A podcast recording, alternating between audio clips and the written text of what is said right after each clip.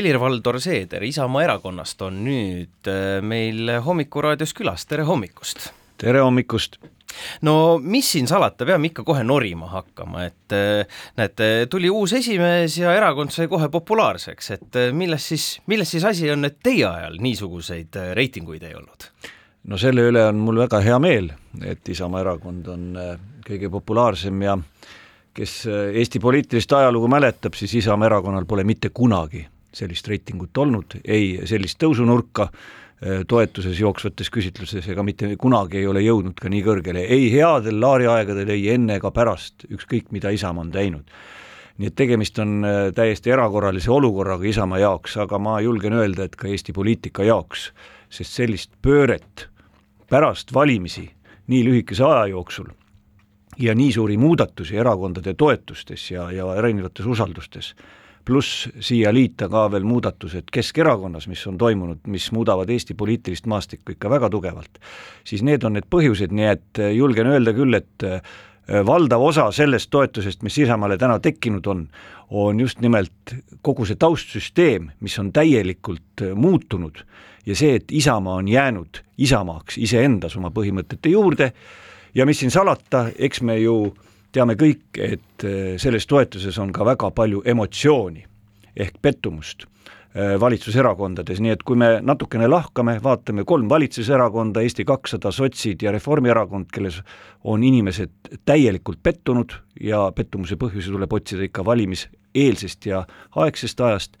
siis opositsioonis olev Keskerakond, kellest tänaseks on saanud Vene erakond, nii et ega väga palju valikuid Eesti inimestel rahulolematul inimestel ju ei jäägi peale Isamaa. kuulge, aga mida te neile irvhammastele ütlete, kes äh, väidavad, et sellest pole ju absoluutselt mitte mingisugust kasu, et äh, nende rekordnumbritega noh, te võite neid vaadata, aga reaalselt poliitikas nii-öelda kuidagi seda edu ju ellu viia on, on äärmiselt keeruline praegu no see küsimus mulle meeldis väga, et seda veel ajakirjanik esitab, sest ma olen kõik need aastad või aastakümned, mis ma poliitikas olen olnud, olen öelnud, et äh, mina ja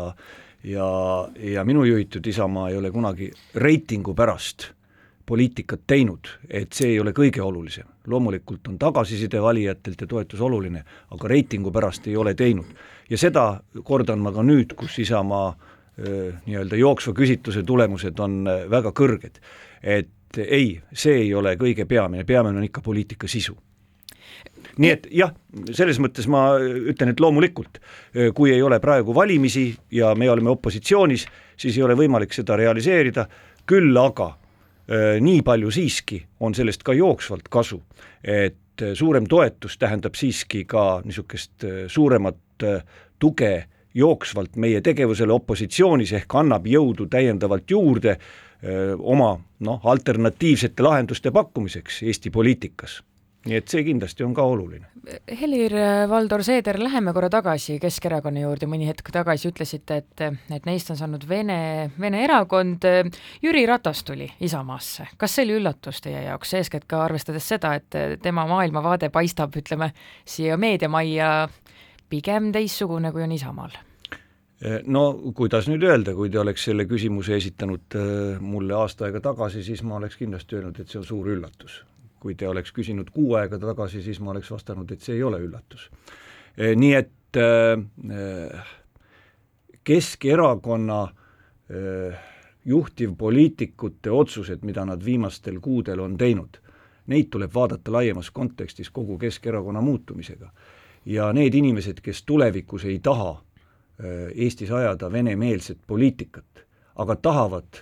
poliitikas jätkata ja Eesti ühiskonnas oma ideid ellu viia, need olid valiku ees. ja nagu me nägime, need Keskerakonna tuntud poliitikud või juhtivpoliitikud ja ka vähem tuntud inimesed on teinud väga erinevad valikud, kes on läinud sotsiaaldemokraatidesse, kes on tulnud Isamaasse, küllap on neid, kes on läinud täitsa kõrvale ja küllap on neid vähem tuntud inimesi, kes on läinud ka teistesse erakondadesse, noh, üks Riigikogu liige on läinud ka Reformierakonda, nii et nad on läinud erinevatesse erakondadesse ja siit ma teen küll järelduse, et igaüks on teinud ikkagi oma isikliku otsuse noh, oma arusaamise järgi, milline erakond on neile ikkagi maailmavaateliselt kõige südamelähedasem. aga mis see tähendab näiteks järgmiste valimiste ko-, kontekstis, kas Isamaa hakkab võitlema nüüd äh, astmelise tulumaksu eest? ei, Isamaa ei kavatse läbi vaadata oma põhialuseid, mida me oleme kinnitanud juba aastaid tagasi, ma mõtlen väärtuspõhiseid aluseid, programmi me loomulikult kõikide valimiste eel uuendame, aga Isamaa poliitika jääb Isamaaks ja need inimesed, kes tulevad ja ühinevad erakonnaga, peavad aktsepteerima meie erakonna programmi, põhimõtteid, väärtusi ja kohanema ka meie erakonna kultuuriga. Eh, räägime nii-öelda päevauudistest ka pisut, eh, nii nagu eh, Brita mainis, on mittekodanikelt valimisõiguse, noh, valimisõiguste piiramine siis mittekodanike puhul justkui nagu jõulupuu, mis korra aastas vähemalt tuuakse kapist välja, ehitatakse ära ja vaadatakse, aga äh, ja siis pannakse kappi tagasi ilma erilise nii-öelda tulemuseta, kuulge, mis, mis saab, kas agressorriigi kodanikud võivadki jätkuvalt jääda valima Eestis noh, vähemasti siis kohalikel valimistel? ma olen täiesti kindel, et ükskord äh, see leiab lahenduse niikuinii nii ja agressorriigi kodanikud ei saa tulevikus enam Eestis poliitilist võimu formeerida ja sellist valimisõigust neil ei ole. jah, kahetsusväärselt peab ütlema, et mitu katset, mis on tehtud, seni ei ole õnnestunud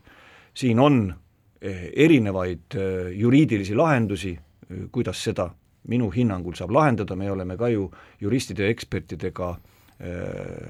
seda analüüsinud ja, ja siin on ka erinevaid arvamusi, aga me oleme järjepidevad, ma võin kinnitada, ma olen väga järjepidev, pensionireformi ajasin ma viisteist aastat, ajame seda asja ka, kui vaja, viis aastat, kümme aastat, viisteist aastat, aga me jõuame selle tulemuseni me teame, et president on oma arvamuse välja öelnud, president on öelnud, et äh, agressorriigi kodanikel peaks olema kohalikel valimistel valimisõigus, seda väga otseselt parlamendi ees, ma siin absoluutselt ei nõustu,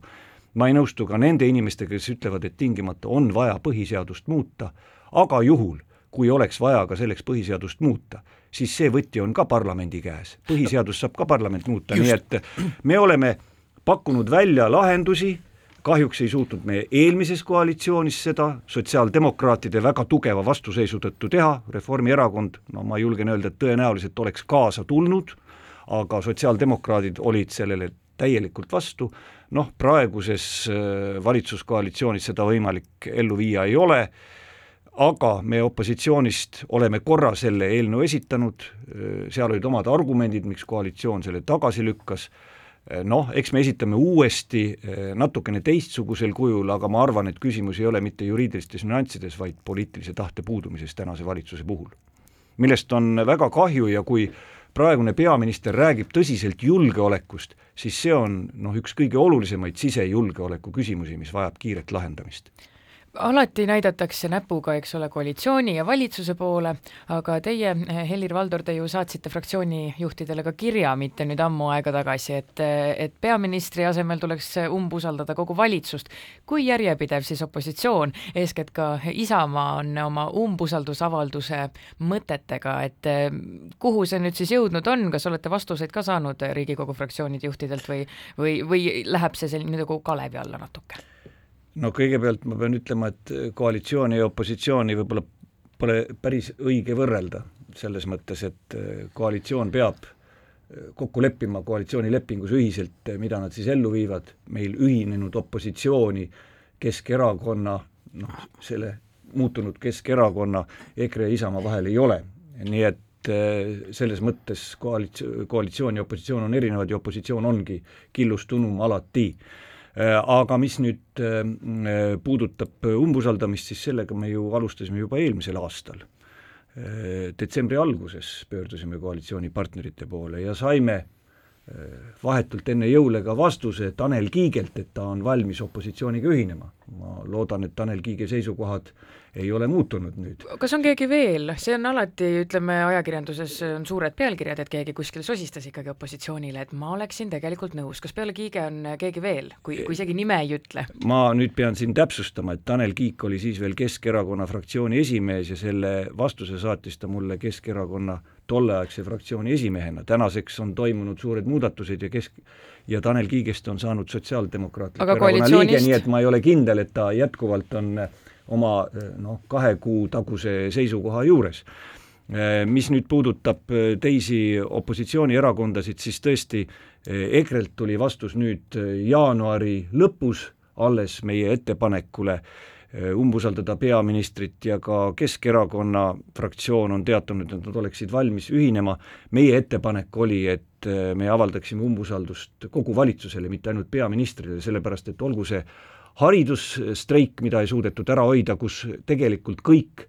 streigi eelnevad otsused tehti ju üheskoos alates äh, riigieelarve strateegiast, kus ei nähtud äh, lahendusi haridussüsteemile ja õpetajate palgale, riigieelarve ei toetatud neid muudatusettepanekuid, mis oleks tegelikult äh, vaja olnud ja nii edasi. et see on pikk lugu, aga ka muud küsimused, mida ühiselt on ellu viidud ja kui me vaatame praegu, kui valitsuses sotsiaalkaitseminister ja majandusminister pakuvad välja, et